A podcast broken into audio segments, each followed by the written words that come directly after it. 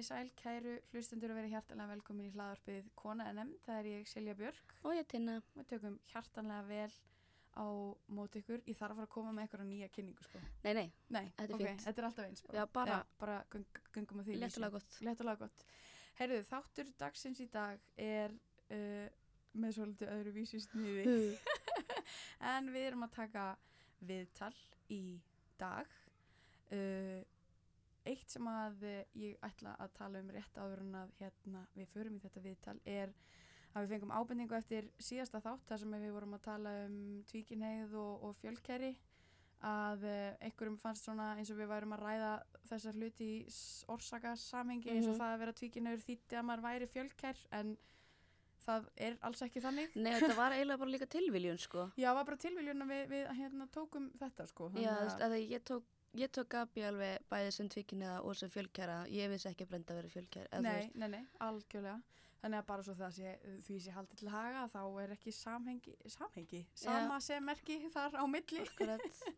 En uh, já, þáttu dagsins í dag er pakkaður og stór skemmtilegur og við ætlum að segja ykkur frá því að kona er nefnd Bára Haldósdóttir. Velkomin, Bára. Hæ, Sæl og blessuð, hvað segir Bára gott í dag? Æ, bara allt ágætt. Ég hérna, komst ykkur á rataði og allt er Já. ykkur. Samlóks í spílastæður. Akkurat. Akkurat. Já, heyrðu, það er gaman og gleðilegt að fá því hérna í þáttinn til okkar og við erum örgulega eftir að fara yfir uh, víðan völl. En getur þú byrjað á því bara að segja okkur frá því, hver er Bára? Um, Bára er þekkt fyrir klustusmálið. En Bára er uh, móðir, nýröldin amma. Herru, já, til hamingi með það. Já, takk. Tveggja vikna. Jésús. Ó, Uh, uh, eiginkona, um, listakona, aktivisti, furðufugl. mm. Mm.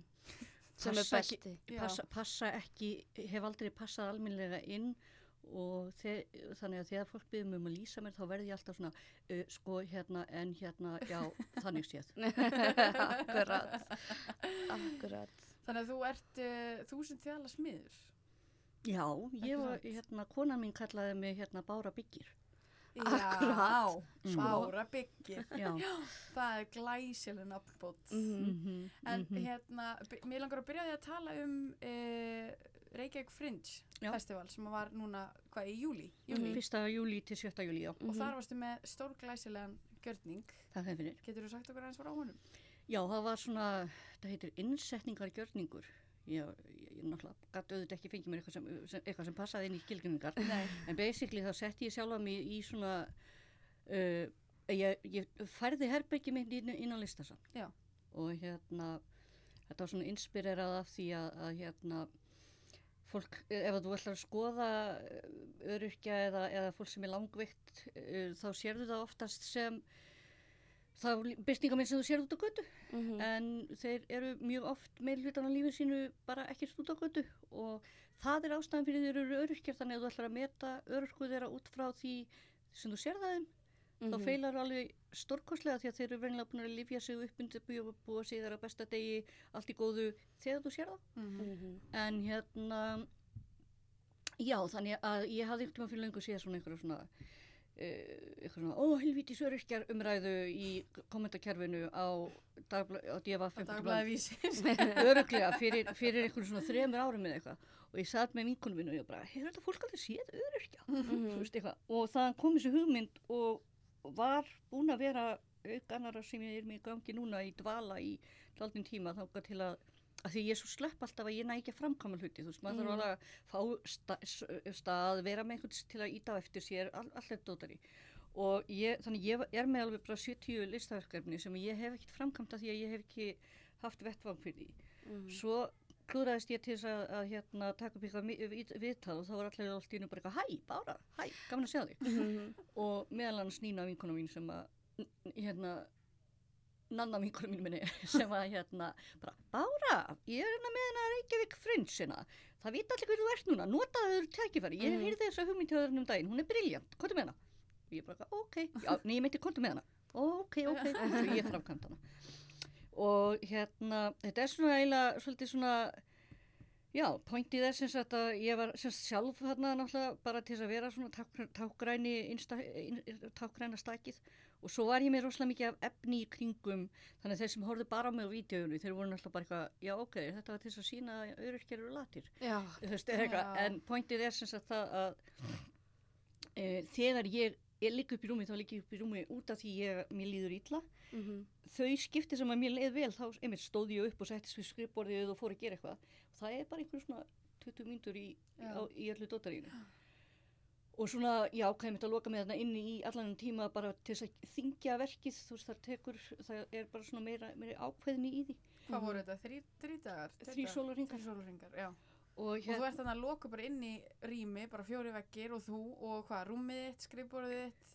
já, rúm, skrifborð uh, ferðarklósett lítill ískápur, kaffivél kaffivél, kaffivél, kaffivél, kaffivél mikilvægast. hylla, ljós Já, og talva Já, og svo Og- varstu með útbrentanir af, er það ekki, samskiptum við ríkistofnanir og kommentakerfum reikningar og reikningar, ítrekkinga, ítrekningar. Og eitt sem ég glemdi eða sem náðist ekki fyrir að ég var sem sagt búin að búið til svona fæl með svona pluss-mínus stæmi e, þar sem að, þú veist, öll útgjöld mín til helbriðismála, þú Mhm. veist, apotek og, og þú veist, mhm, sjúkrabílar og, og hérna sjúkraþjálfun og læknar og allt þetta kjæftaði Plú var sem sagt bara tek, ég tók bara alla fæslunar í heilt ár út úr heimabankunum mínum mhm. og svo tók ég endurgreislu frá sjúkratryggingum Já. á móti og ég kom út í 400.000 krónur í mínus Mhm.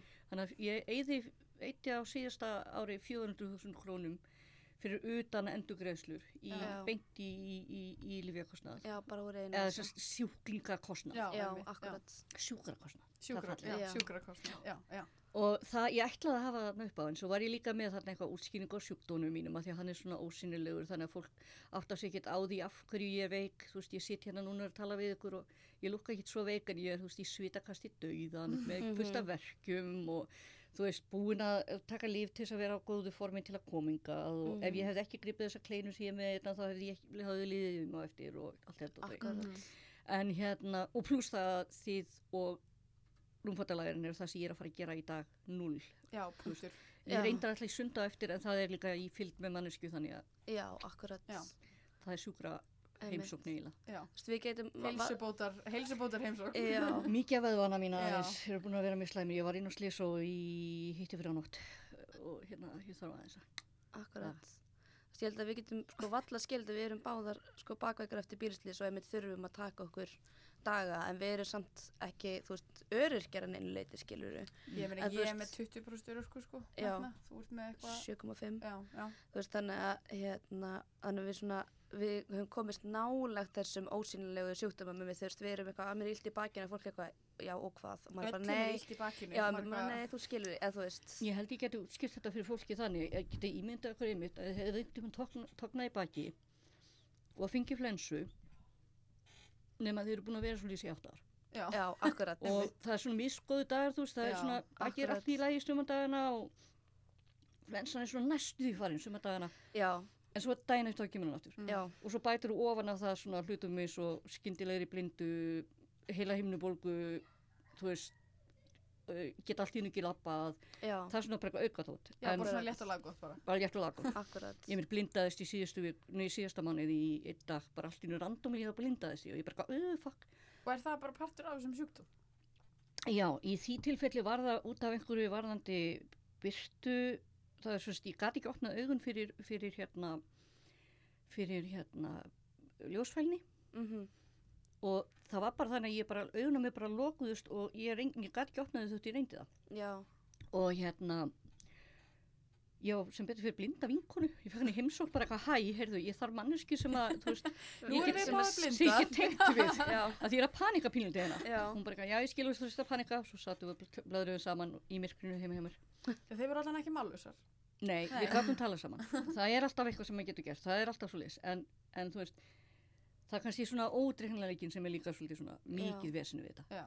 Ég get aldrei, þú veist, eins og núna bókaði ég mig hinga til að hitta ykkur og ef ég hefði vaknað í morgun algjörlega, algjörlega í fokki, mhm, þá hefði ég þurft að kansla. akkurat, En þú veist, ég, ég komið með alls konar leiðir til að svona slæta mér í gegnum einmitt svona klukkutíma, tvo klukkutíma, eitthvað sliðis. Mhm. Og til dæmis á lands, þegar ég fór inn í landsrétt á sín tíma, þá klúraði ég algjörða. Ég fór nefnilega í morgunútvarpið hjá 2 og var síðan að fara í þetta setniparti. Mm. Og ég fattaði það ekki að það að ég vaknaði klukkan 2 og fór þangað, nei vaknaði klukkan eitthvað 8 eða eitthvað og fór þangað, að það lengdi daginn minn það mikið að þegar ég endaði á, þótt ég hef setið undir þessu dóti í landsrétti, að þá endaði ég á því að síðustu viðtölin mín í, í hérna sjómarpinu eða eitthvað bla bla bla voru sitjandi að því ég gat ekki saði lengur og þurfti að fara heim og var bara döið. En að því ég reiknaði ekki með því að þótt ég var ekki að fara að gera neitt annað á milli, Mhm. Já, að þá var ég náttúrulega undir ágættu stressi. Þannig já, að þú veist, akkurat. sem Já, að bæðu og kveikir á já, já. líka. Sko. Smá stress. Já, Já. Ég held að fullt fríst fólk er alveg stressað við það að sitja fyrir landsrétti sko, allavega myndi ég frík út. Ég sko þriðja hæsta uh, orsakavaldurinn fyrir veikindunum mínum það sem að, það sem að móti, nei ekki, ekki orsakinn, það sem, að, það sem Sem ýtir ítir, upp í- ítir um á já. stað, það er stress. Já. Mhm. Þá les bara bækur, þá er það bara eitthvað, hérna, þú veist, hérna, hreyfing, nei, hérna, nei, hérna, fyrir ekki, bólgustíg, bla, bla, bla, eitthvað st- streita. Stress, já. Bara. Þannig að ef ég er í st- streitu þá verð ég veik. Já, Hvaða, hvaða sjúkdómur er þetta sem þú ert með? Hann heitir Behcets og er sjálfsvöðunamis og giktasjúkdómur og er basically þannig að allstaðar það sem eru æðar, hvort sem það eru stóra ræðar eða litla ræðar, þá geta þær bólina bara randomli af því bara. Já, Mm. allstaðar það sem eru æðar sem eru allstaðar. Já, nákvæmlega. og þannig að ef það er bólina í heilanum, þá fæ ég gerfi heilahimnubólgu. Ef það er bólina í augunum, þá verð ég gerfi blind. Ef það er bólina í mellingafærunum, þá fæ ég magakrampa eða krónsenginni. Mm. þú veist, það fer bara eftir styrkleikanum og hérna þannig að þær eru bara svona og eins og lúpus þá er þetta bara svona inn og út og inn og út og inn og út Já. þannig að það fer bara eftir hvað gerist og þetta er svona smá saman alltaf skemmir alls konar hluti og og fólk getur orðið, þú veist, varanlega blindu, varanlega í hjú- hjólastól. Þetta, og svo er bara ekki hægt að stýra þessu sko. Nema kannski svona hægt að hafa eitthvað smá áhrif á þetta eins og til dæmis stærstu innkynnin hjá flestum til að byrja með eru hérna munnsæri sem eru lengi og, og þú veist mjög miklu sáskafylli heldur en annara Mm. og það er hægt að halda þeim pínlítið niður með einu lifi þannig ég, ég get lotað, notað í raun og veru sem mæli hverða ok, ég er að verða veik það komið þrjú, mús- þrjú, komið þrjú munnsæri þú veist Já. Þannig að hérna, en áður en ég fór á því lif þá var ég með þú veist upp í 20-30 munnsari á sama tíma og í tvö ár þá var ég með svo stórt, var ég með tvo, tvö stór munnsari aftan í hálsunum sem að læknar heldu alltaf að væru streptokokkasíking Já. og var bara, ég var bara út úr mér af Oh my af, af verkjum sko. Og, hva, og þú segir, þú ert búin að vera með hennar sjúkdóm í þá hvað, átta ár, varst að segja það? Nei, ég er búin að vera mikið veik í 8-12 ár Mm. Já.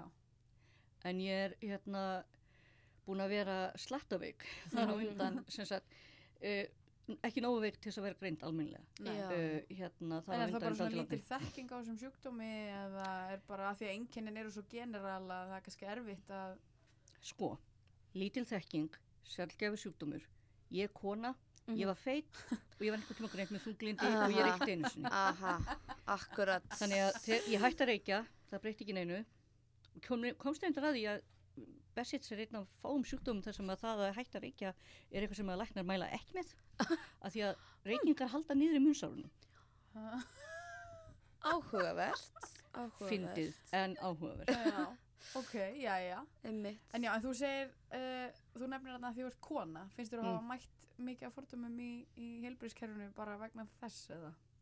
maður fær voða mikið svona eftir bara að væla viðbröð Mhm. og maður fær líka rosalega mikið sérstaklega ef maður greinist nú einhvern tíman með þung- þunglindi sem er mjög fljótt að gerast ef að þú ert með, þú ert erfitt með að koma þig fram úr rúminu og svona, mm Mhm. mjög fljótt greindu með þunglindi uh, og ég meni ég var í alveg 6-7 ár í heilbriðiskerfinu inn í þunglindisgreiningarkerfinu og stóð með alltaf 100% í öllu þessum hugrænum atfylgismeðferðum og öllu stótari og batnaði ekkert Mhm.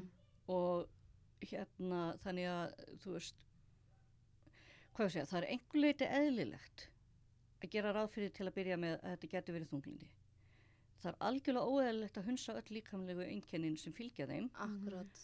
Og það er algjörlega óeðlilegt að maður þurfi í raun og veru að vera komin með sko solid greiningu til þess að sé hlusta á mann Mhm. Já, og að maður þurfi að finna hann sjálfur já, já. Já, akkurat. Og var það þannig í þínu tilfelli að þú, Já, ég var bara komin með sko svona ég kom með svona bara lista yfir svona 6-7 sjúkdóma sem þetta væri öruglega, öruglega einhver af þeim Mhm.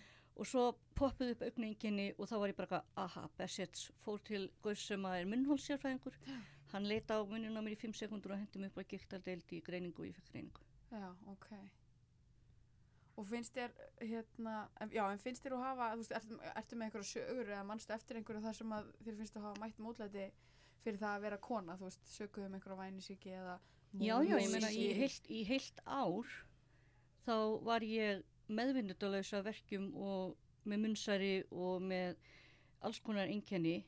Og ég, sagt, ég kem út, að, ég er að koma út af spítala eftir að hafa fengið hildarsýkingu í allan líkamann.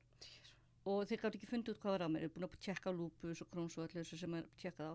Og ég kem út af spítalan, fyrir til heimilisleiknis sem míns og segir bara já, ok, þeir fundið ekki út þessu, við þurfum að halda áfram að gera einhver test og fylgjast með þeir það ekki og eitthvað svolítið og hún eða hann, ég get bara ekki munaða lengur hvor, hvort var, hérna segir bara, "Ha, já, já, ekkert mál.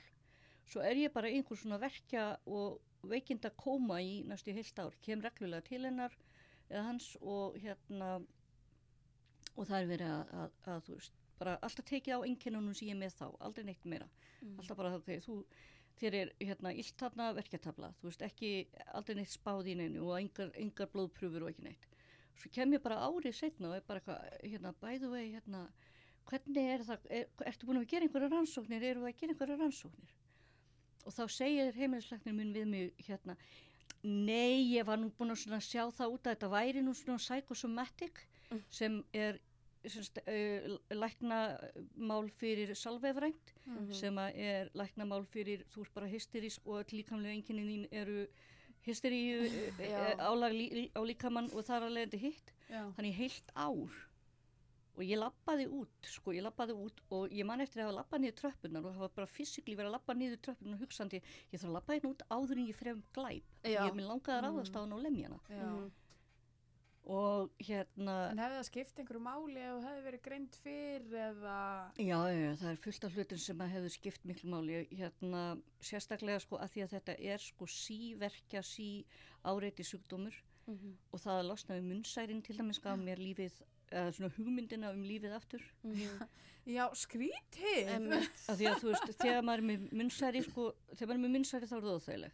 Þegar maður er með bessismunnsæri þá eru þau þrísasunum hérna, hérna, verkja meiri og eru þrísasunum lengur Mhm. og koma í hópum Já, eru mörg, já. og er bara akkurat. alltaf að koma nýtt upp og gamalt upp og nýtt upp og gamalt upp. Akkurat. og hérna þegar maður er með munnsæri ef þú borðar, andar, kingir Mm. munnvatni hreyfir þig, talar allt sem þú ert að gera þú finnur fyrir því í munnunum Já. Já. þannig að þú byrjar bara að einangra þig innan við Já. og, minkar, minkar, og borðar bara einhvern svona skorpum sem að eru bara á þetta er ógeðslega vont, ég ætla samt að borða þetta og, Já, þetta, bara og, og, ekki verða Já, fá næringu bara. og þetta hefur bara fáránlega vond áhrif á heilsuna þína Absolutt. Mhm. uh, þú veist, ég til dæmis uh, alveg, já, ég meina og það er bara, já, Já. Bara, bara þetta sem dæmi, þú veist, Mhm. þarna er ég komið með varanlega lang kyrsetu einkenni sem að, þú veist, sem þetta er að stoppa mig Akkurat. af og hérna fyrir utan bara verkja einkenni líka sko. Já, ég held bara því miður að allar konur, flestar konur eigi einhverju svona sögur þar sem að þær koma með einhver einkenni eða einkenni barna sinna eða eitthvað svoleiðis og þetta er bara skrifað upp á eitthvað sem er ekki einu sinni til, sem heitir móðursíki, sem er ekki Mm. til, Nei, bara akkurat. svona, æ, við verðum að trýta þetta þannig í líða ágætlega Já, það var allir gamla, gamla daga, þá voru það valjumhúsmaðurina sko. Já, akkurat. og núna eru við með örlítið betra sko, en, en, en samt ekki og það er verið að vinna í þessu, það er mikið verið að vinna í þessu en það er ekki, þetta er bara viss kynslega læknum sem þarf að detta Já, út úr kerfinu Guð minn almáttur. er náttúrulega bara bara. mest svona þá meina ég ekki allir læknar Nei, ekki allir menn og ekki allir læknar not all men, en svona típiska er náttúrulega bara, þú veist, það er eiginlega fáralegt að það sé 2019 og við séum að fagna því einhvern veginn að allt í einu sé verið að rannsaka hvernig sjúkdóma og, og, þú veist, og leifa konum að, Tala- að trúa konum. Og um- byggja uh, rannsóknir á hvern líkamunum Akkurat. og þú veist, sem ekki að gera rannsóknir á uh, hérna á, Rottum eða eitthvað. já, eða eða bara- kallmunum Já, það er já, náttúrulega já. m- sko, livjaransóknir á hvenna livjum, livjum sem eru við hvennsjúkdómum, voru meira sig að gerðar á karlmönum að því að hormónur og annað eru svo mikil varjasjónar Mhm. að hérna, þú veist, það trubla svo mikið niðurstöður rannsóknir eitthvað blá blá. Vá, nú er ég ekki læknir og þetta finnst mér skrítið. Mjög Ég mæli með því að sko, hérna horfir á nýjasta þáttin, hjá, eða nýlegan þátt hjá honum Jamie Oliver, þar sem að hann fer náttúrulega, auðvitað fer hann alltaf svona pínu út fyrir línundan sko, en hann fer bara yfir þessa hluti sem eru, rannsóknunar eru byggðar á, á hérna, sem sagt, karlíkumum, uh, rannsókninar eru hérna gerða, eða, þú veist, það er ekki sérstaklega rannsókað uh, hluti sem að eru hvern, sérstak, hvern Mhm. sérstakir það er ekki tekin út stök með það að gera uh, ef að hvenna lif valda meiri aukaverkunum þá komast þau samt á markaðin Mhm. og svo framvegs og svo framvegs og svo framvegs að tala um, þú veist, kallapilluna sem er alltaf með svo miklur aukaverkun og hún kemst ekki að marka maður bara hafið þið heyrt um pilluna. Já. Þú veist, Kallapillan bæði vei aukaverkanir af henni eru nákvæmlega sömu og af pillunni akkurat. og eru einmitt, já, það er bara allt í lagi fyrir konur Já. og ég man einmitt eftir því á tímabili að, að hafa, hérna, það var kona sem að, en það er nú svolítið fyrir síðan, en það var kona sem ég þekki sem að tók uh, nýtt svona hormonalíf sem var svona stafur Já. og á vissu tímabili þá var hann þannig hannaður að hann allir bara offitu á, Hverjum sem er á bara. hverju sem er Já.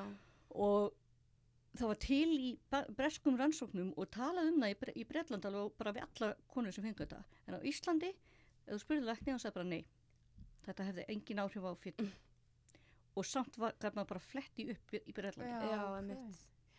Þetta er náttúrulega Það er ekki að að segja þessu móðursíku hvern munum frá því Nei, að þær getur fitnað geðut við þetta. Ég verð ekki að því ég með meina þetta. þú veist þær eru bara að taka því sem við viljum. Já, eða helst bara eignast ókslega mikið af börnum. Já, bara hætti vera á neina Já, Já, og eða bara ekki stunda kynlíf nema til þess að Nei, það meður náttúrulega ekki samt eiga úkslega mikið af börnum ef það eru fátekar Nei, Nei, nei, það meða það ekki. Að sjálfsögðu Já, ekki. nei. Eða, eða, eða fallar eða öryrkjar eða... Já, Eða ég feitar. mitt, einmitt, sko, Eða mjög, góða vinafjölskyldu sem að eiga fimm börn og eru sko bestu uppalendur og besta fólk og fallegustu börn sem ég hef nokkuð tíma séð en þau eru tekjulítil út af því að hérna þau hafa þurft að díla við ímsum hluti Mhm.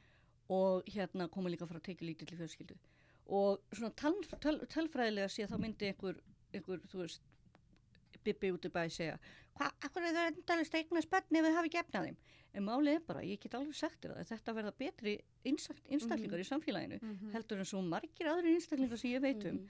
Og ég vildi bara að þau hefðu orku og efni til að eignast 40 börn og sjá um öll börn í heiminum af því að þau eru bara ógeðslega flotti fjóruldar En svo er líka, þú veist, svo er málið svo er málið náttúrulega líka þegar kemur að, þú veist, akkur eru það eignast svona mörg börn að hérna aðgengi fátækra að læknistjónustu og heilbriðskerfinu og hvað það getnaverðum, þetta er alltaf dýrt en fólk er ekki að fara að hætta stunda kynlíf, Nei. það er bara þannig Í þeirra tilfelli held ég hafi þau, bara hafi viljað eignast Já, sem er það, líka við má Af því að þau eru, að barnafólk og eru einmitt eins og segi, fólk sem ætti að eiga börn. Ég Mhm. algjörunni, ég bara hef ekki kynst fallegri og betri börnum. Akkurat Og ég, ég, þú veist, ég er alveg uppalendi og ég er ekki jafngóður uppalendi.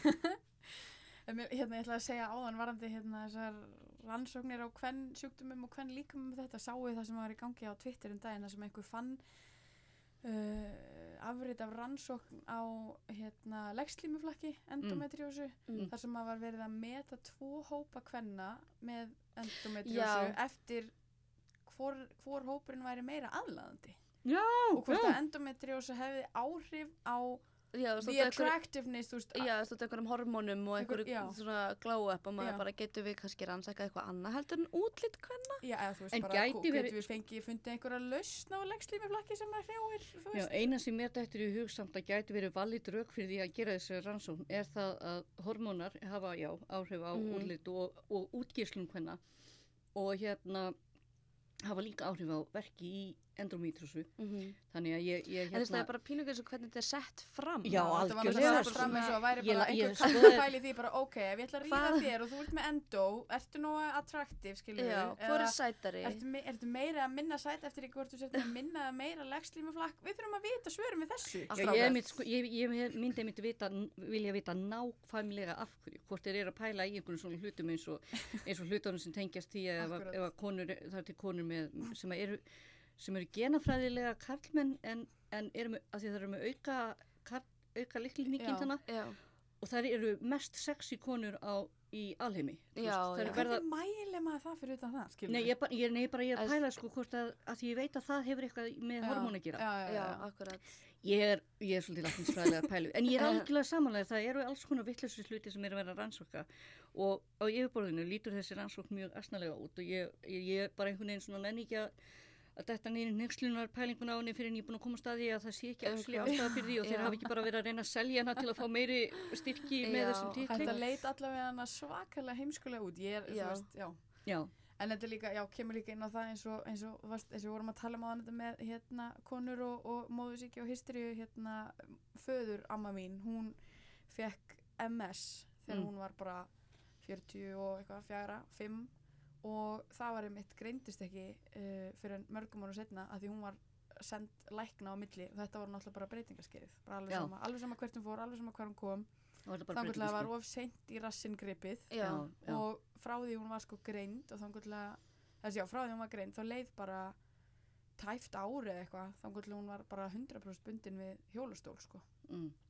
og svona hrörnuna sjúkdómar eh, er náttúrulega eitthvað sem þú þarft að og svona sjálfsofnæmi sjúkdómar er eitthvað sem þú eru þarft að grípa í strax Já. sko já. og líka það eins og, já, einmitt sem, allir svona sjúkdómar sem eru króniskir eða lang, ólæknandi og langvinnir eins, og- eins og þessi sjúkdómar þeir eiga það náttúrulega uh, samílegt að, að valda skada hægt og rólega Já, líka. já. Mhm. Það er þetta að lifa rosalega lengi með minn sjúkdóm kannski en hann, og eftir því sem hann er lengur trítaður því lengur er hann auðvitað í, mm Mhm. lengur er ég mögulega í lægi og minni og einhver lífskeiði einhver í bóði mögulega fyrir mig sem að ég er svona, ég myndi að berjast fyrir að fá NPA núna til þess að geta Já. fengið lífskeiði út á því að hérna, Akkurat. ég á svo erfitt með að sinna uh, því sem þarf að sinna til þess að viðhalda mér í virkni ástandi. Já. Já, Já, því að svo spila það náttúrulega líka inn á þetta, er svo, þetta verður svona vítarhingur að því að maður er of verkjaður og of óskulegs og of búin á því þannig að maður engan tíma til þess að sinna einunni einu hvað þá einhverjum félagslegum þú veist, aðtöfnum Mhm. og þá einangrast maður enn meira og þá maður ennþá meira heima og þá maður ennþá meira verkjaður Þetta er Og svo, svo bara, sko, ég hef verið það verkjuð að ég hef ekki getað tekið verkjalif. Já, mhm, Það er til dæmis eitthvað sem hefur oft komið fyrir að ég hef ekki tekið lif að ég hef ekki haft orku til þess að sækja lifin mín. já, já. Og það er bara, þú veist, bara fáránleg hérna, staða að vera í. Að þú veist, ég hefði kannski getað verið í lægi ef ég hefði tekið lifin mín já, já. En ég var bara orðin og verkjuð þegar- að því að ég líka kannski orðin svo vönverkjum Mhm, að ég, þegar ég ætla síðan að setja stu, að því ég get stundum leigið lengur heldur en setið til dæmis. Mhm. Þannig að ég get kannski leigið í þrjá klukktíma en um leiðið sérst upp þá er ég bara, já, ég er öll í verkjum, já, ég fatt að það. En, en, Já, nú er ég að drepast. já, og, í- en ég hef kannski setið í, setið í símanum í, í, í, rúmunu í þrjá klukkutíma og verið eitthvað svona, já, ég er svona eitthvað pínuslepp. Svo sest ég upp og bara, nei, þú ert ekki bara pínuslepp, þú ert bara al- algjörlega í fokki. já, Mhm. Já, og þá ertu kannski ekki að fara að standa upp og ná þér í. Nei, ég með, ég með það ná, nánasta við hliðina á mér, en ég er kannski komin í bara svona hálfgerst zombifæta ástand þar sem ég er ekkert að fara að gera eitthvað. mhm, Og ég hef oft, þú veist, verið bara eitthvað upp í rúmi, bara eitthvað svona, algjörlega eins og klessa. Og kona mín bara eitthvað, hæ, hérna, ertu alveg geðt verkið? Já, ertu búin að taka verkilif? Nei. Hún bara eitthvað, ok, ég ætla að segja verkilif, já. einmitt. Einmitt, svo er svo mikilvægt eins og með NPA að þú veist, uh, bara fyrir henni alla á heimilinu, þú veist, bara svona létta á Já, heimilis. af því að kona mín er bara í auka jobbi sem enga hjúkan mín. Sko. Akkurat, þú veist, bara að létta á hennar lífi, skilur, hún bara... Mm. Hún sér um sinn- öll heimilisverk. Akkurat, þú veist, hún er, hún er raun og veru þegar við vorum með strákin heima þá var hún einstað móðir með hérna heimili og aukasjúkling já, uh, mjög oft og hérna þannig að þú veist Sorry. Mjög oft og hérna uh, við þurftum til dæmis að lemja það í gegn að fá heimilisþrif einu sinni í viku Mhm, að því að það er fullhraustur einstaklingur á heimilinu. Akkurat, en þessi fullhraustu einstaklingur á heimilinu á, á semst að sína öllu heimilinu vinnunni, hérna barninu, mér mhm, og sjálfu sér. Já, akkurat. Ok, sorry, býðum aðeins.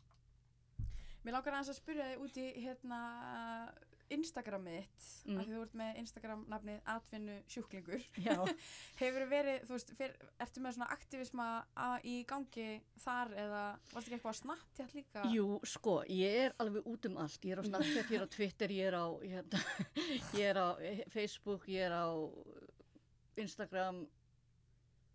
Er, ekki, er ég ekki að glemja ykkur? Nei, ég held þessi komið.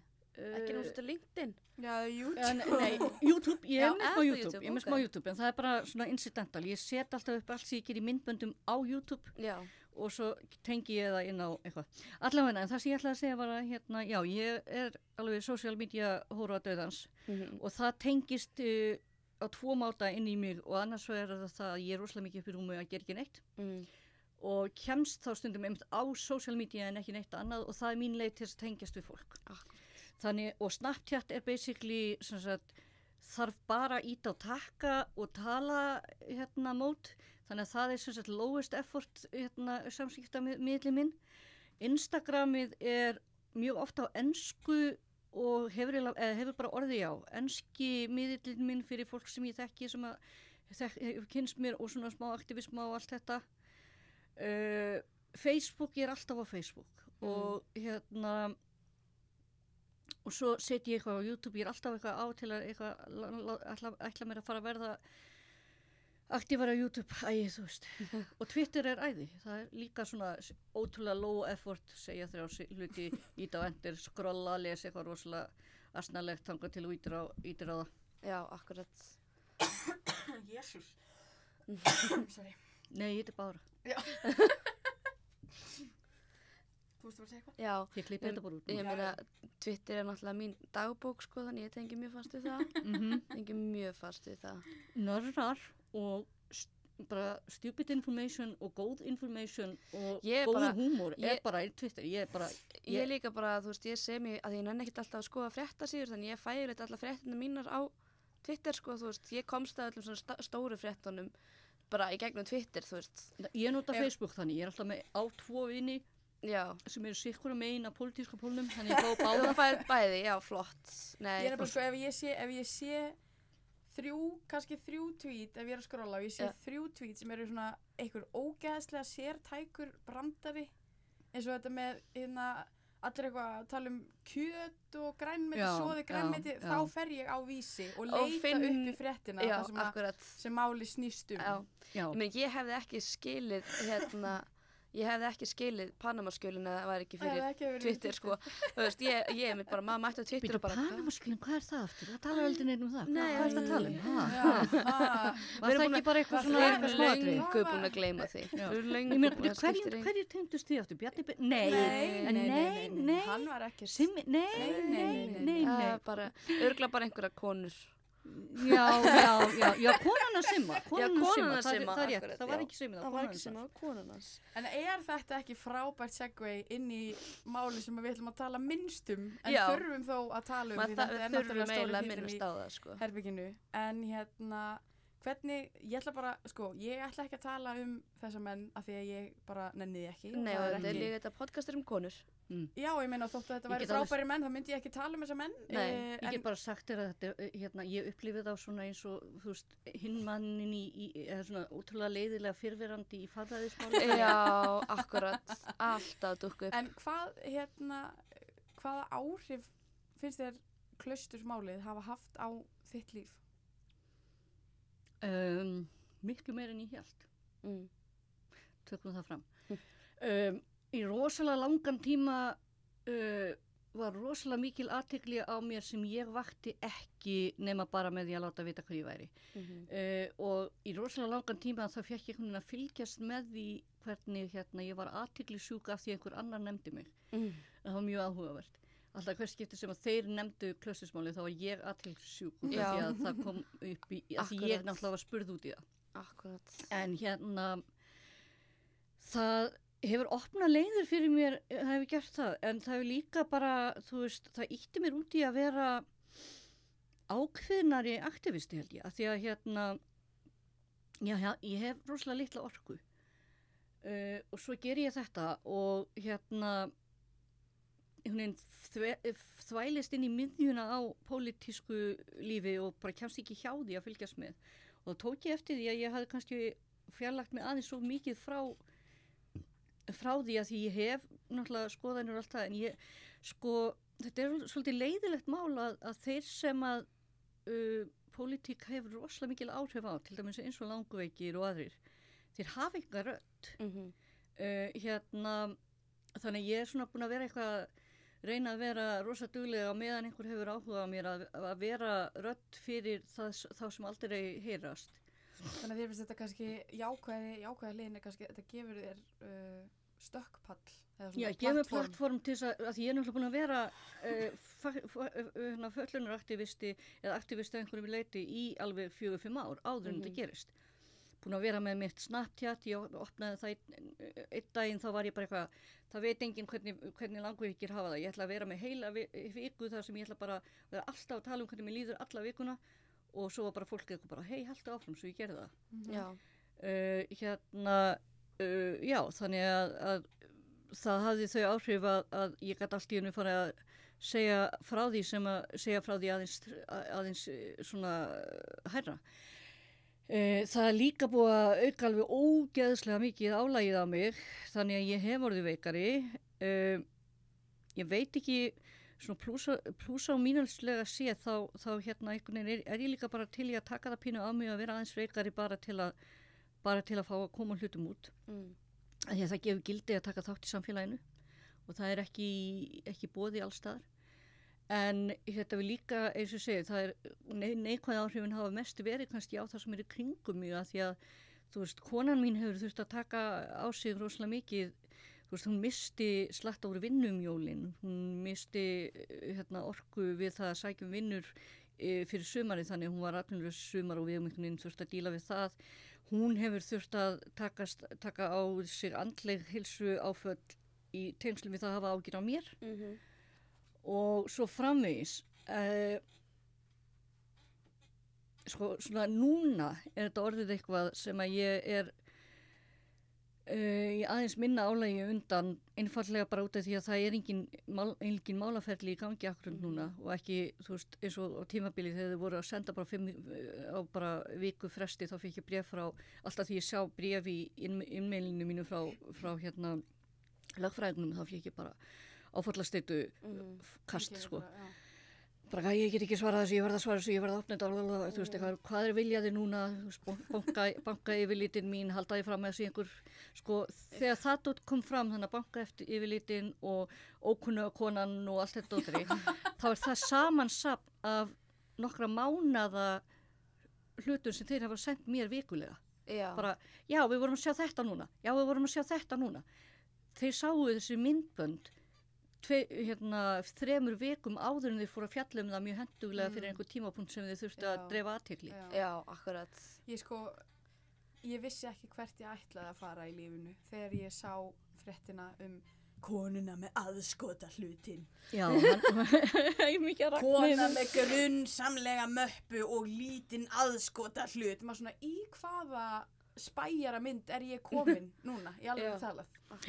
Og og auðmikið Ragnhildur í Sri Lanka að þú veist spáði því hvernig hún komist heim að því að vera að sprengja upp útlendinga þar og hérna já, en aðskota hluturinn. Við þurfum að Aðskotahluturinn- vita hvaða hlutur þetta var. þetta, já, þetta var svo briljant og svo er líka fjallað, voru þeir alltaf bara já, hún er með, hérna, tekur upp og svo rennur hún hérna, fingrunum yfir skjáin og hún er með svo mikið á snúrum og eitthvað, ef þú hittir mig einhver stað við einhvers tækifæri ekki með 12 snúrur og 40 hlæslubanka, þá er veist, þá er ég, þú veist, þá var ég mér, þá var mér hendin á slís og með hraði. Já, akkurat Þú veist, ég er bara, þú veist, þegar, þegar hérna lögfræðingur minn spurði mig út í þetta fyrst, þá opnaði ég töskunum mína síðan á mig og tók upp jafn mikið af snúrum eins og er á þessu borði, bara svona, og hún bara eitthvað, ég skil. Akkurat Má, Svo þegar hún spurði mig, hvað gæti þessi svarti hlutur verið? Og ég sendi henni mynd af tólf litlum hleðsluböngum með einhverju, að því ég er alltaf að panika yfir því að síminn minn sé dauður Oh God, út af því að ég lifi gegnum síman minn, hann er öryggistæki mitt, hann er félagstæki mitt. Og ef ég er inn á slis og í 8 klukkutíma að býða eftir því að komast að hjá lækni þá hef ég ekkert nema síma minn Nei, akkurat. Þannig að já, Vá, ég tengi, ég, ég þóleikið er að síma minn, þú veist, fyrir, ef ég er einhvers þar úti og hann fyrir undir 40% það er ég bara, hvað getur hlaðið, hvað getur hlaðið Mm. mm. ef ég er ekki með hlaustabóka minn eða ef hann er dómur eða eitthvað, þannig ég Já. er bara emitt stundum er bara fólk með fullt af snúrin ég skil ekki, það er líka svolítið fyndið að sko fólk hefur haldið því fram hvort, eða spurt hvort ég sé sko háð símanum mínu, ég er það ekki, ég hef oft bara verið einhverstað þar sem ég hef ekki þurft að hafa hann í Mhm. marga daga og allt það. En þá hef ég líka verið, þú veist, við hliðina á einhvern sem var með öll lifin mín og allt saman í góðu og einhver, einhver sem gætt farið með mig, mm, en hérna, hann er bara svolítið svona eins og hjólastól, hann er þú veist, ég með upplýsingar um hvaða lifjum ég er á, ég með símanúmer hjá læknum, ég með símanúmer hjá allir sem ég get hringt í, bara, og Mhm. shit, herðu ég, það leiði um í, hérna, bónus getur komað svo eitt mig, Akkurat. En ég meina svo er þetta náttúrulega upptökutæki fyrir þína starfsemi. and stjórnmála uh, glæpa starfsemi. Akkurat. já, ég Eins og, nota, eins og við erum marg búin að lesa. já, ég nefnilega, náttúrulega, ger, er náttúrulega komið uppgreit núna, ég fekk uppgreit rétt fyrir jólin, og hérna, Ég, en til dæmis um dag, í morgun þá tók ég upp hérna svör við spurningum fyrir hana Sigurdök fyrir hlaðvarpiðanar. Þannig ég er alveg skipulöðum upptökum sko. Já, akkurat, ég er að segja það. En ég En- held en einmitt hérna- ég held einmitt hérna að það hafi sko, þú veist, það sem er eiginlega best við einhvern veginn allt þetta mál er einmitt bara af því að þú ert, þú veist, kona og öryrki og hinsegin og allt þetta að þá, það fer svo innilega á þeim. Þú veist, Akkur gat ég ekki verið, þú bara einhver skilur, hvítur sis neða bara einhver gaur úr píratunum. Já, akkurat. Það hefði verið svo beautiful fyrir bara það. basically, þú veist, akkur þurftur að vera með flipplitað hár, það bara, þeir meika það ekki. Já, finnst og það, píku, Þess vegna var ég útlendingur. já, erum með bæklinga. Ég var, ég var náttúrulega þjóðbúningi Íslendinga, öllu svörtu. já, akkurat. Og hérna, og jú, með bæklinga, en það var bæði út af því að ég hafði verið að tala við þarna fólk og, og það var alltaf spáðið sem norðljósaferðum. Og ég var bara, er þessi norðljósaferðir, er þær bara að fara að leita norðljósum eða er eitthvað meira í þeim þannig að það er alveg verið að fara í þar hvort er ef það er skil ekki verið norðljós. Og svo hérna var ég hérna bara aðeins lengur heldur en ég ætlaði að vera þannig ég sótti alveg fleiri bæklinga af því að Af það var að eina þetta- lesefnið af því ég þorði ekki að fyrta í símanum af því að þá var ég kannski að fokka í upptökunni. Já, Já, akkurat. Og líka mitt bara, þú veist, klöst, þetta er náttúrulega, er hótel líka. Þetta er að hótel bara vel hlýðina. Frekar augljóst að það er auðvelt að ná sér í bæklinga, eða þú veist. krakkar, þetta voru væntanlega njósnabæklingar Eða það voru njósna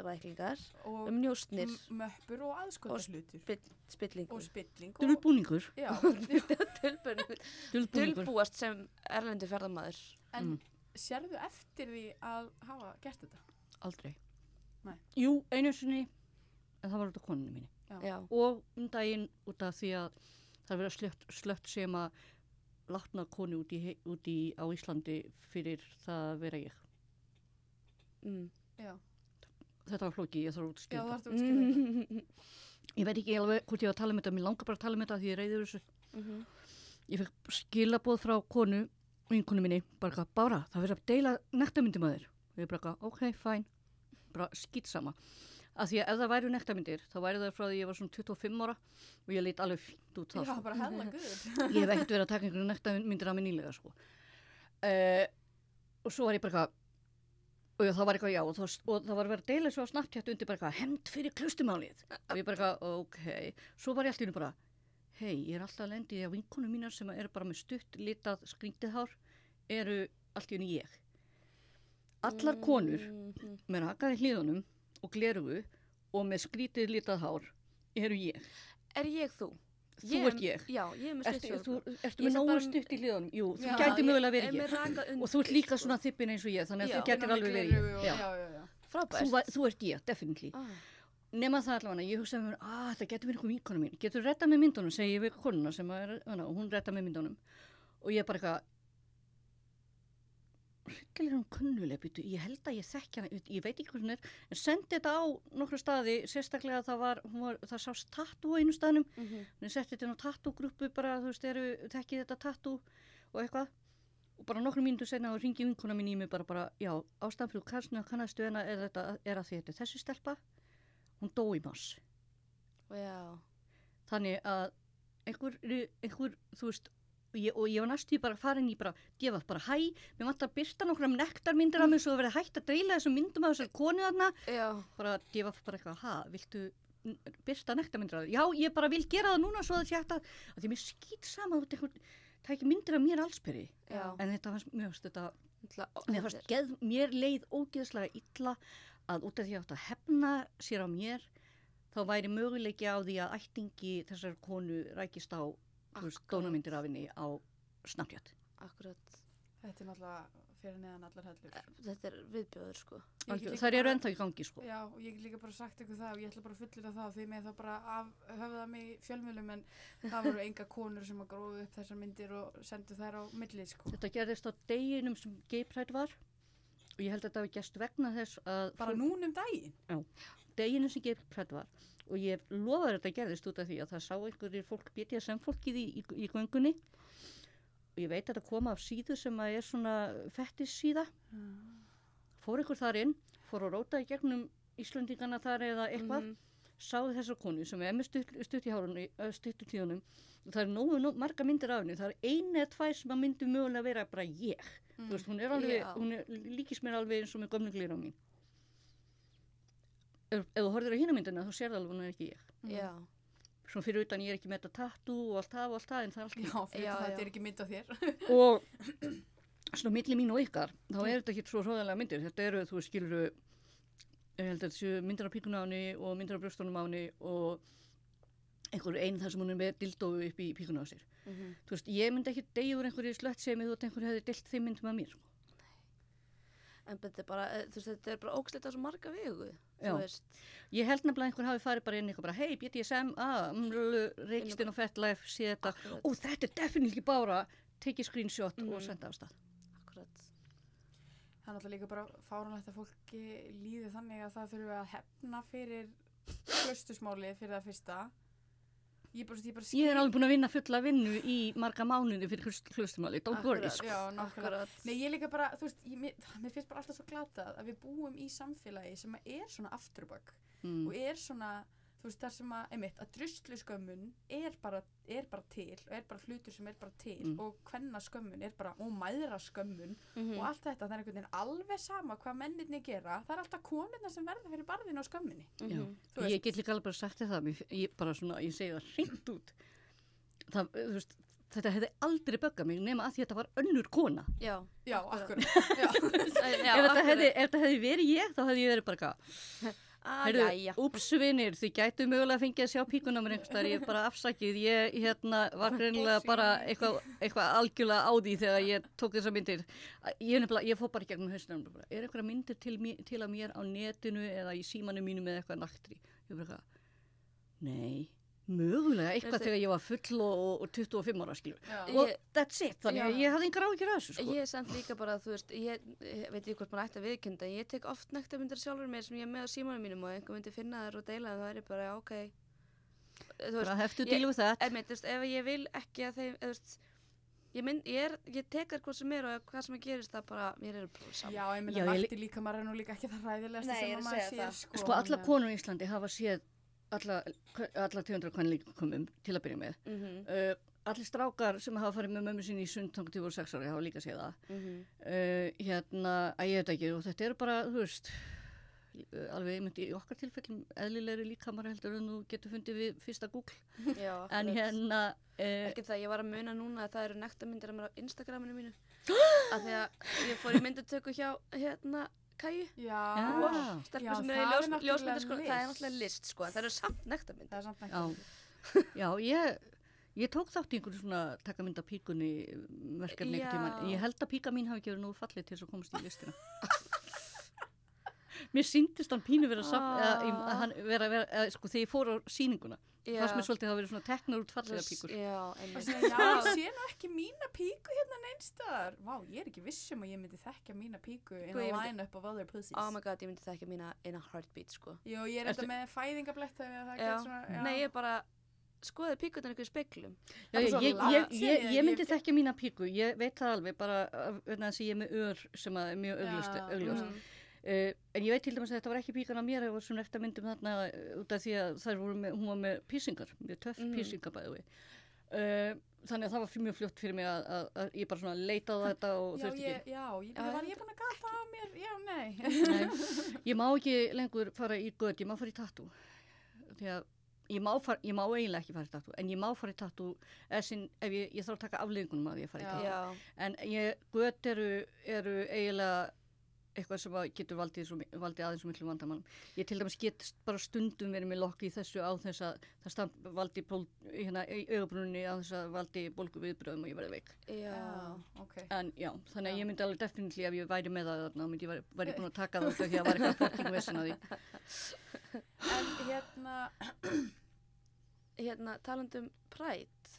Mm. Að sko, nú ertu hérna, nú erum við að koma út úr, sko, hins einn mánuðum okkar. Ekki það við Yes. munum örgulega tala langmest um já, við hinsegin vorum konur. með, í þættinu vorum við með hins einn mánu, þar sem við vorum bara að fjalla um hins einn konur. Já, þe- þess vegna kom- var, voru einmitt þarna æðislu, hérna, Ingileg og Marja. já, Já. þær eru æðislegar, ég elskar þær. Já, Ingilegu Marja, same. ég verð bara að segja ykkur, I love you. Fangirl. Já, ég meina, hver er ekki að fangirla yfir Marju? Yes. Ég bara Segi. fokkin dýrka hvað það eru búin að vera að gera, ég alveg elska það. Er Og bara ég hef alveg hitt hann okkur sinnum og eitthvað sko, en, en, en þú veist, bara þær eru, gull af konum. já, Algjörlega. bara töff konur. Já. Já, ótrúlega töff.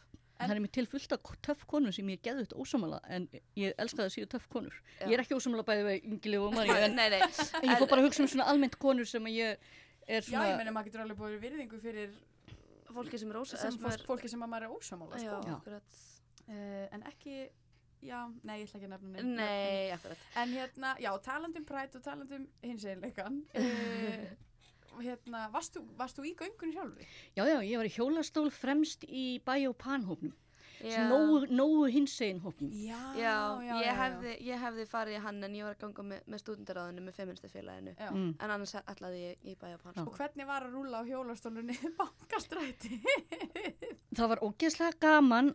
Uh, mér langaði stundum að hoppa upp og gera eitthvað en ég vissi að ef ég gerði það myndi ég hafa orku, orku til að, að hérna, hoppa upp á sviðið í endan og ég vildi, Já.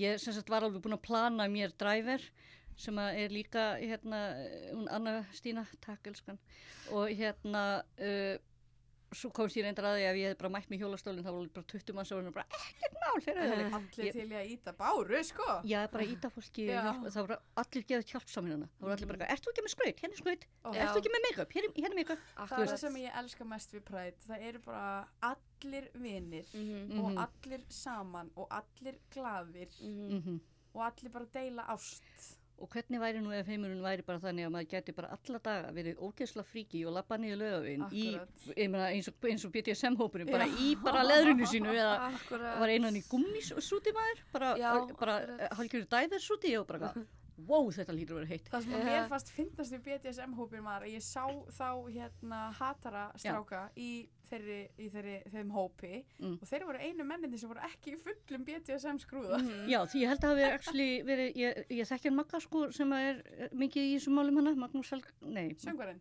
nei, Nei, í BDSM. Já. Maggi BSI, Maggi, Maggi BDSM. Maggi Haugs, Skátafóringin. já, já, hjálpa sveit skáta, Já. vandræðilegi kallinn, við þekkjumst vel sko, hann er, hann er hérna, við erum búin að hérna, þekkjast í, ég, hann er úr kópóinu við líka og svona, allavega, og hérna, eh, hann, ég held að hann hafi sagt að, að hérna, það hafi verið svolítið pointið sko, við lítum líka, við líka venilegt fólk out of, Out of búningum sko. Ah, já. Já. En fólk náttúrulega finnst gaman að fá að vera í búningunum sínum á þessu ísara göngu þannig að fólk mætti í þeim en það var líka einhver svona pælingum að þau myndu mæta bara öll, bara geðvikt vennileg Mhm. og væri bara eitthvað svona, þú veist, með hérna ég elska, það var þarna á einu skilti eitthvað, þú veist, ég geði kinki en ég elska útsöm. Já. Já, einmitt. Mér fannst, hérna, ég sá einhverju mynd, hérna, uh, bindumst í ást, Oh sem ég er flott. mjög Mm. Mjög skemmtilegt. Bundin af ást. Já, bundin Við, ást. sko, mér, það er náttúrulega briljant við þetta, sko, mér skilsta, skilsta, hérna, að Páll Óskar hafi sætt sig við, hérna, BDSM, hérna, fólki nýlega bara svona persónulega mætt við og mætt og bara afsakið ég tala á móti ykkur hérna á þessum tíma. Og hérna, sem að skiptir upp máli, miklu máli fyrir þau, en þess að, að hérna, eh, Maggi og, og, og hérna, fleiri sem ég þekki sem að eru nú í þessu, Uh, hafa sagt við mig sko það er alveg þrjú eða fjögur lög sem hann er með sko bundin af ást og eitthvað fleira sem eru bara svona þú veist lög sem eru svona bara kveikja þú veist svona Já, bara ást í BDSM anthems. já, bara. já, Já. svona íslenskir þannig að það hef, var úrslega sárt fyrir marga þar Já, þetta Já, var náttúrulega akkurat. mikið hita mál á, á sínum sínum tíma að, að hérna, BDSM félagi fengi að ganga í samtökinn, sko. þeir kveiktu á í raun og veru lang, lang þá, þetta var svona lang, langur, langur vandi sem var búin að vera í gangi Mhm. að fyrst voru þetta lesbíður og homar Mhm. svo bættust uh, við tvíkinir, ok svo bættist við, þú veist, skilur transfólk og, da, da, da, og það var alltaf í hvern hóp að þá hérna uppliðu uh, eldri les, lesbíunar og homarnins við meira svona eins og þetta væri ekki þeirra samtök lengur, heldur Já. væri þetta uh, að því að það þurfti náttúrulega að leggja áherslu á nýja hópin í baráttumálum. Uh, síðan þá er náttúrulega held ég búið að reyna að draga, það búið að leggja svolítið í það að draga uh, eldra fólki inn aftur, að því að þetta var líka svolítið þeim að kenna að þau hætti að mæta.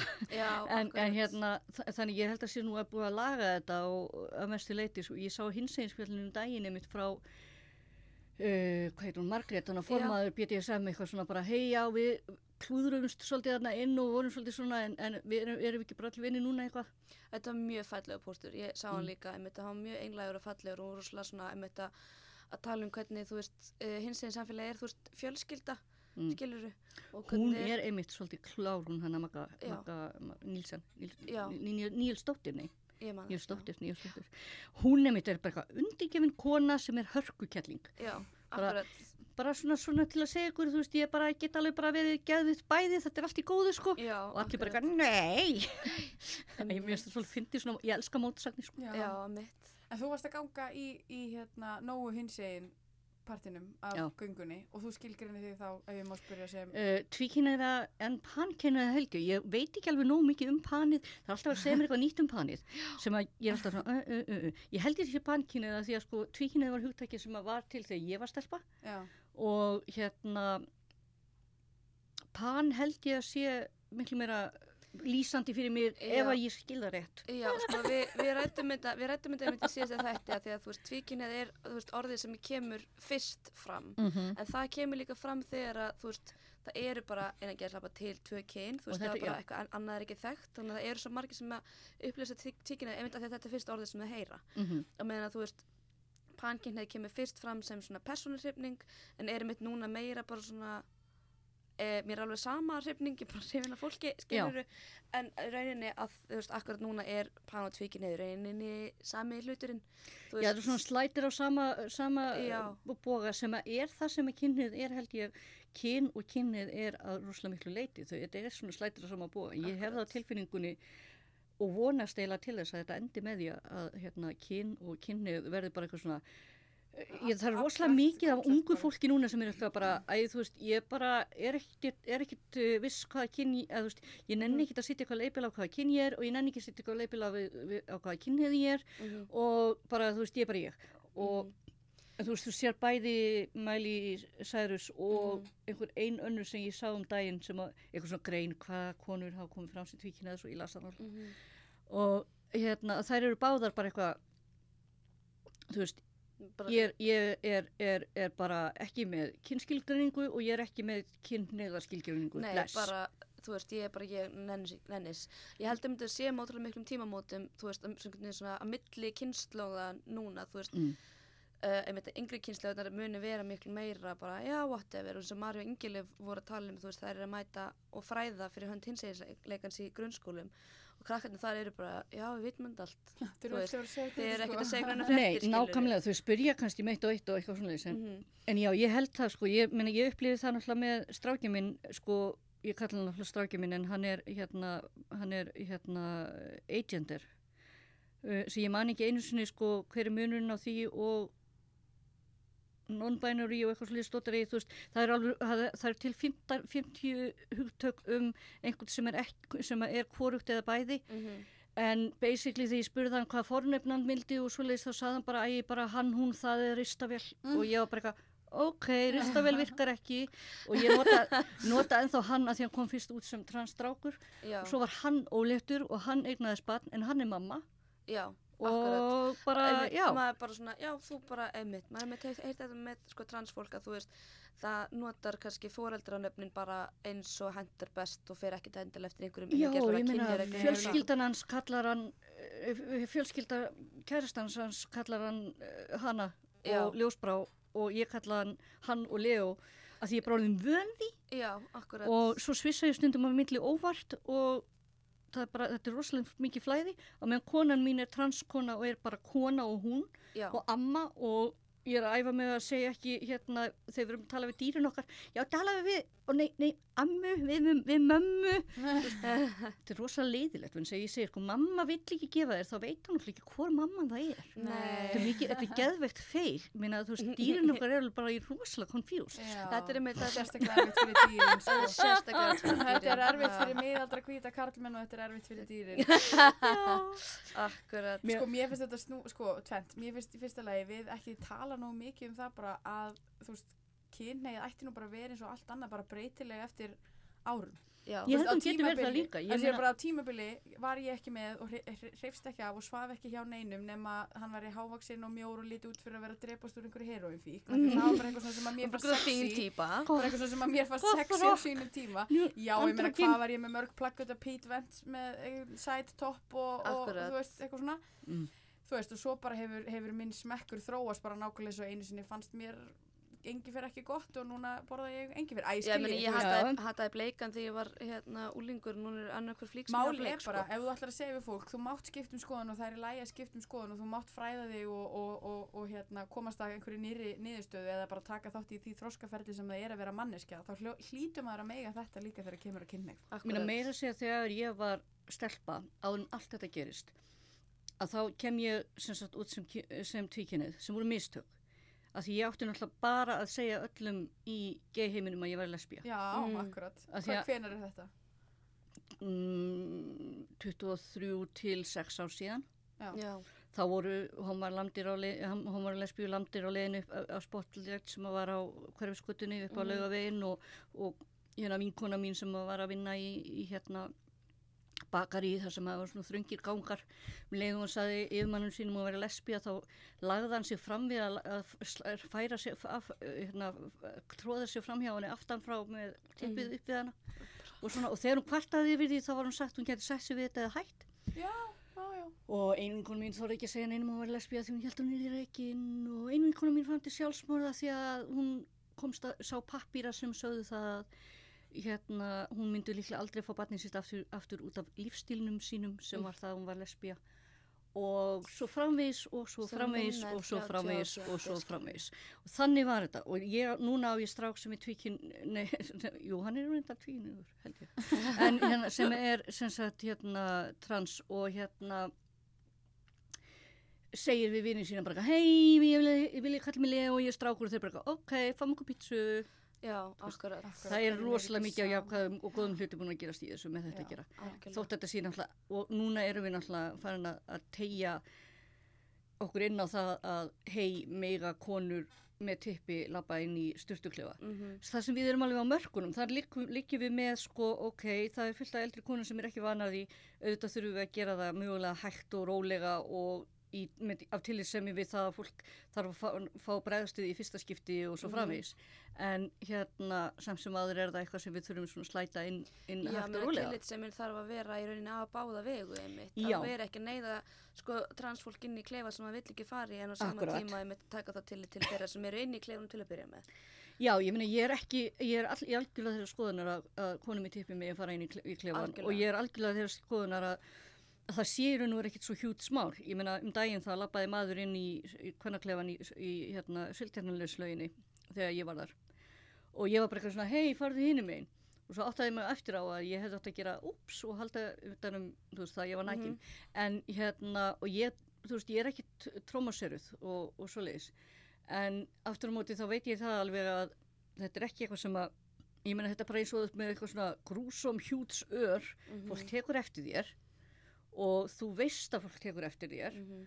og það er óþægilegt en auðvitað ekki að glápa á þig Nei. en, æ, fattar þú skilur Já. Já, þetta minnir mig líka bara á það sem við vorum að tala um við Marju Ingileif og sem við hefum talað um hundra sinnum, þú veist, með þetta að, að, að þegar maður bregður út af einhverjum svona kynferðslega með kyn vana eða normi, þá er maður allt í einu svo kyngerður, þú veist, Já. ef þú ert uh, lesbía eða homi, þá ertu náttúrulega bara á eftir öllum konum, þú Já.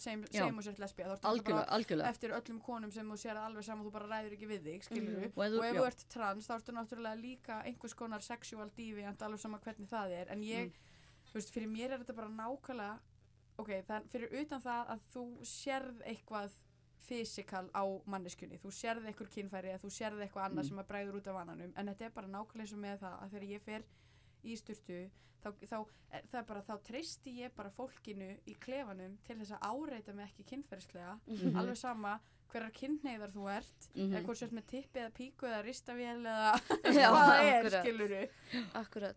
Ég meina það er líka bara þannig og hérna við treystum því þegar við förum með börnin okkar sem eru af hinu kynunu inn í sturtuklefan að Akkurat. það verði ekkit vandamál út úr því. Nei, þetta er bara, þú veist, almennileg kurtesi og mannlega samskipti og, og bara, þú veist Mm Og þetta er nefnilega ekki einn stór bit eins og maður heldur. Ég hef tekið eftir því sko, það var hérna, e, eitt strákur sem að einmitt er, er í kvenlíkama sem að hérna tó- tók svolítið baráttuna í, í vesturbæjalauginni á sín tíma. Ég er bara persónulega mjög móti vesturbæjalauginni samt sem aður tekka Mm. fram. Uh, öll, mín vandam, öll mín vandamál koma þaðan. Nei, ég segi svona.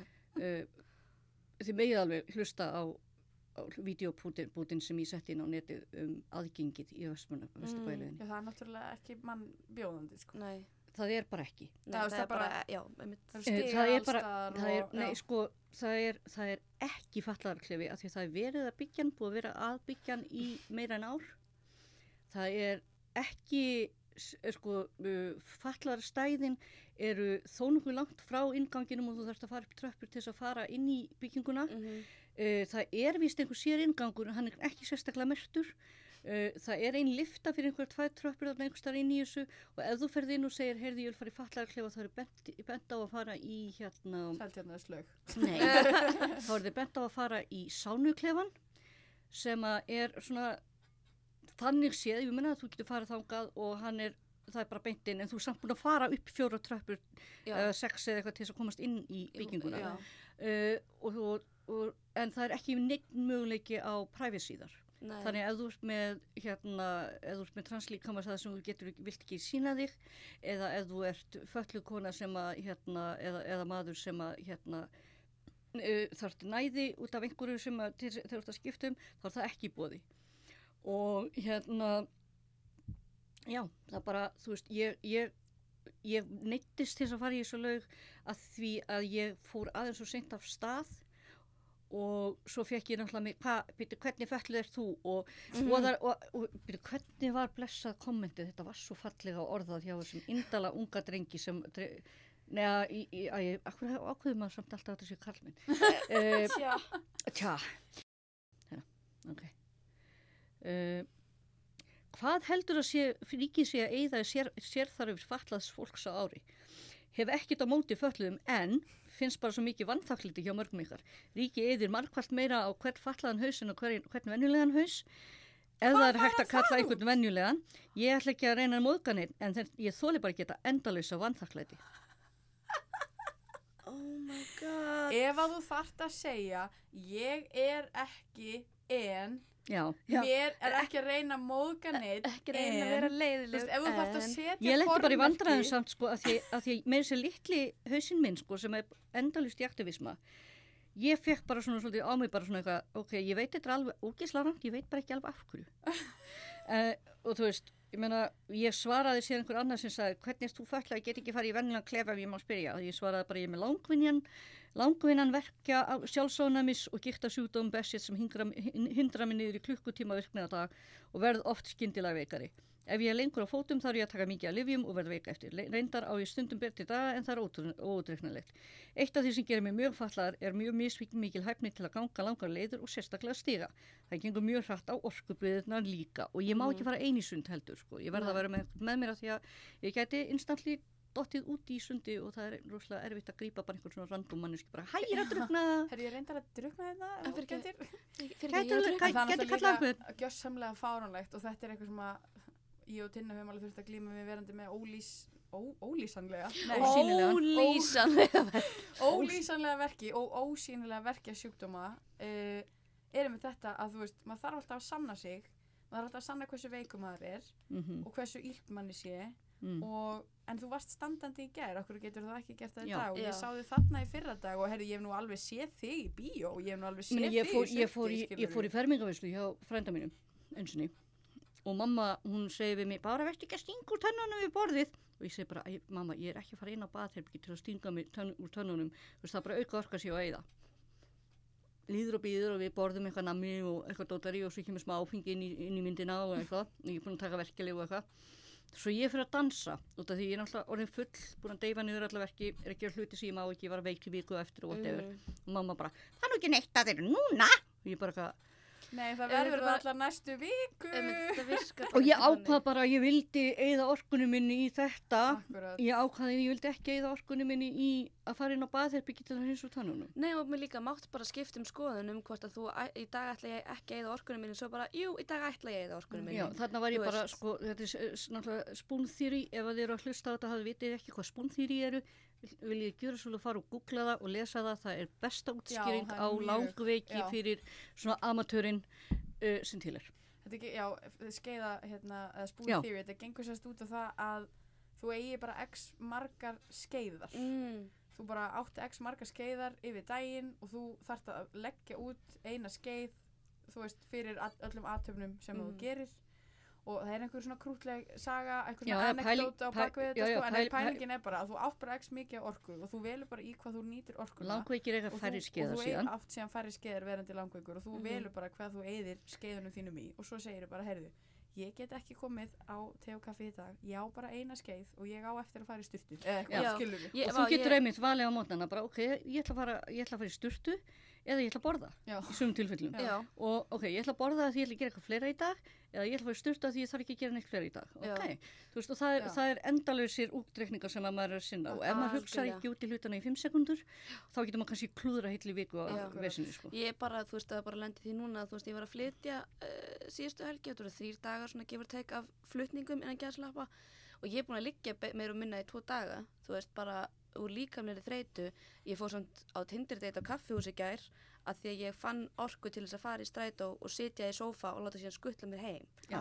já, Þú veist, þetta- já. en ég gæti ekki, ég vissi að ég hefði ekki orku til þess að fara í tíma í skólanum að því þá þarf ég að hugsa svo mikið Já, já, og það er veist. líka sko, kannski bara lengur til, til, leið inn, inn í sto- stofu já, uh, þú veist, þarf það einmitt að á öðrum tíma sólarings ég til er dæmis er allt önnur. betri oft setnipartin orðin heldur en ég var um morgunin Mhm. uh, þannig ég er líklegri til þess að geta stundum ég er, ég er líklegri til þess að geta gert eitthvað bara svona setnipartin venilega Mhm, Nei, ég er, ég er eins sko Ég er miklu og meira svo er ég kannski venjulega búin með allt saman um kvöldið sko. Mhm. nema ég hafi verið alveg dáin allan daginn og þá Mhm. stundum kemur kvöldið sko. En svo meitir mitt fólk fattar ekki að þú veist, einmitt, það sér mann kannski, eða sér fólk kannski aktíft í alveg kannski 2, 3, 4 tíma en það eru samt bara fjórir af sko 24 Mhm. Mm. Sem, þú veist, per dag sem að að meðan- meðan vennilegt eða svo veist, ófalla og fólk og fólk sem er ekki öryrkjar og með fulla virkni er, getur verið að í 8 til 12 tíma á dag. Ég, hel, ég gerir ráð fyrir vennilega að fjóri klukkutíma séu svona meðallægi hjá mér Mhm. en þeir eru svona, þeir eru svona 2 til 6 tímar vennilega Mhm. og fer þá einmitt eftir hvernig ég fer með mig og það er, það er inniheldur fara á fætur uh, borða, sofa fa- fara á staðin, koma aftur. Það er ekki Mhm. skilur 6 vinnutímar á dag. Nei, og svo, nei, Nei, það fer allt inn í þessa 60 heldur er það 6 lifitímar á dag. Já, En já, það fer að koma að lokum hérna í þessum þætti í dag en það er svo kósi en Já, það er svo kosi og, og ef það er eitthvað sem ég og Tinna getum gert þá er það að tala endalust. velkomin í, ég semst bara komin til, Já. systra mína Já, ekki máli. Við sko- En er eitthvað sem að þú vilt tala um eða koma framfæri eða nefna eða já, viltu vera með einhver loka orð? Fleiri Ég ætla að segja öllum frá því að, að hérna, þegar listan landamæra verður, mm? að þá verði ég með innsetningu sem verður revolutionary og frábær. Þið verðið að mæta þangað. Spennandi. Hvenær er listan landamæra? Einhvern tímann í oktober, já, að vita þessi dagsetningar Já, að því að ég er nú með Oktober er allavega nóg mikið að vita fyrir mig, sko. Já, já, og hérna, svo langum með að þið vitið að þið eru öll ógeðslega indisleg og frábær og heimurinn er yfir höfuð rosalega jákvæður og góður við mig eftir klaustusmálið fyrir utan pínulitin afkema Íslands og hérna uh, að ég, ef að þið hittir mig úti á götu að þá elska ég að þið segja hæ. þá segi ég bara takk kærlega Bára fyrir komuna, takk fyrir mjög gott spjall sem Mhm. hefði geta verið í þrjá klukkutíma við en Akkurat. uh, Algjörlega. fólk henni kannski ekki að hlusta á það Mm. uh, Ef eitthvað langar í extended version, bjóði mér, bjóði mér í podcastið ykkar. Akkurat. Já, við, ég rakst um þetta á Báru á kaffihúsi um daginn og ég átti að vera í vinnunni sko Já, og hérna ég ætlaði bara að rétta eitthvað svona aðeins að heilsu upp á hana og svo endur hvað við sátum hana í alveg Allt of langan tíma. langan til þú sagðir, heyrðu ég að mæta okkur fundið Já, eitthvað. Það stoppaði bara út af því. að fara að mæta á fund og þá uh, þar þurfti að uh, klippa á gamanið því Yes. miðum Mhm.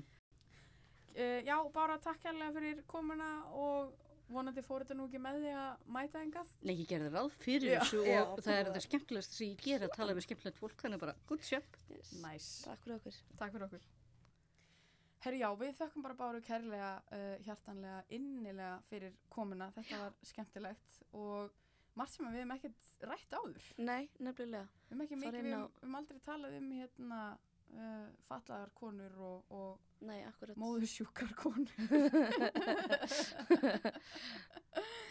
en uh, ég ætla að minna ykkur á kæru hlustendur að henda í like, subscribe og follow og, Og reit og reyta á Ad- Apple Podcasts. Apple Podcasts. Það hérna hjálpar okkur mikið og, og þýðir mjög mikið fyrir okkur verandi aðdegli sjúkar eins og við erum og bara gerir, gerir mikið fyrir sálar tetrið. Og svo er verðt að taka það fram að næsti þáttur er tíundi þáttur. Tíundi þátturinn. Og hann hefur verið er, við erum komin í the double digits. Double digits. Double digits. Og já, við viljum ekki gefa mikið upp. Nei, En uh, tíundi þátturinn er stappaður, pakkaður, þar að vera tekin fyrir ein góðsagnakend kona sem að við dýrkum að dáum. sem að við tinna dýrkum og dáum og fólk sem að þekkir okkur og fólk sem að um þekkir að tala. okkur er bara jepsi pepsi, það verður þessi þáttur en kæru hlustendur, þið verður bara að býða spennt þanga til í næstu viku Já. Og hvers vegna er það? af því að feðraveldið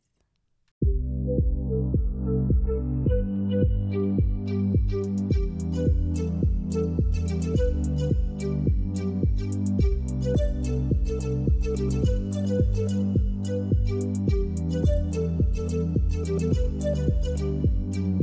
you.